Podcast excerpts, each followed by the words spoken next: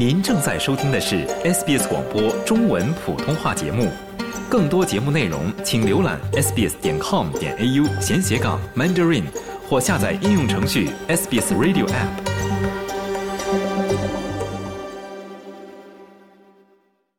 新年伊始，持续了三个月的哈以冲突仍在继续，也看不到结束的迹象。在加沙的边境小镇拉法的临时难民营中，这些流离失所的巴勒斯坦人的新年愿望是能够返回家园。نحن من من شدة الألم اللي احنا فيه إن احنا ما شاعرين أصلا إنه في سنة جديدة أساسا. لأنه الأيام كلها صارت عندنا تقلب زي بعضها. بنزق اليوم باليوم، لكن احتفالنا احنا ما هو احتفال.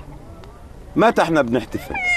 但二零二三年最后二十四个小时，以色列持续在加沙全线推进攻势。据哈马斯当局和目击者描述，这些轰炸造成加沙境内一百多人死亡。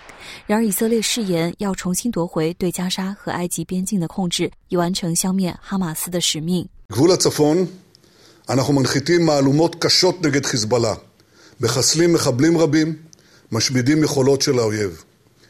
אישרנו תוכניות מבצעיות להמשך הלחימה. אם חיזבאללה ירחיב את המלחמה, הוא יספוג מכות שהוא לא חלם עליהן.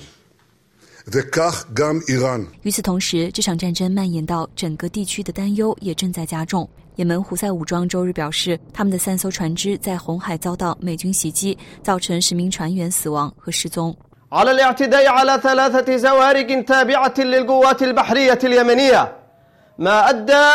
على الاعتداء على ثلاثة زوارق تابعة للقوات البحرية اليمنية ما أدى إلى استشهاد وفقدان عشرة أفراد من منتسبي القوات البحرية 美国中央司令部则表示，美国海军直升机的这次攻势是为了击退胡塞武装对红海商船的袭击。不仅在红海，自哈以战争爆发以来，黎巴嫩真主党及以军几乎每天都在两国边境交火。以色列军方发言人周日指责，真主党已经将黎巴嫩南部的村庄变成了战区。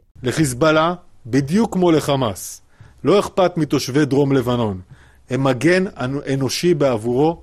אנחנו נמשיך לתקוף בלבנון, בדרום לבנון, בכל מקום שחיזבאללה יפעיל כנגדנו טרור, הוא יפגוש תקיפה משמעותית ועוצמתית. 以色列国防部也承认，以色列正在七个战区受到袭击，包括加沙、约旦河西岸、黎巴嫩、叙利亚、伊拉克、也门和伊朗。SBS 中文新闻陈一书报道。想在 SBS 当一回影评人吗 ？SBS On Demand 正在推送配有中文字幕的热门影视作品。您只需观看一部或以上影视作品，并把影评观后感发给我们，就有机会赢得一份 SBS 精美礼品。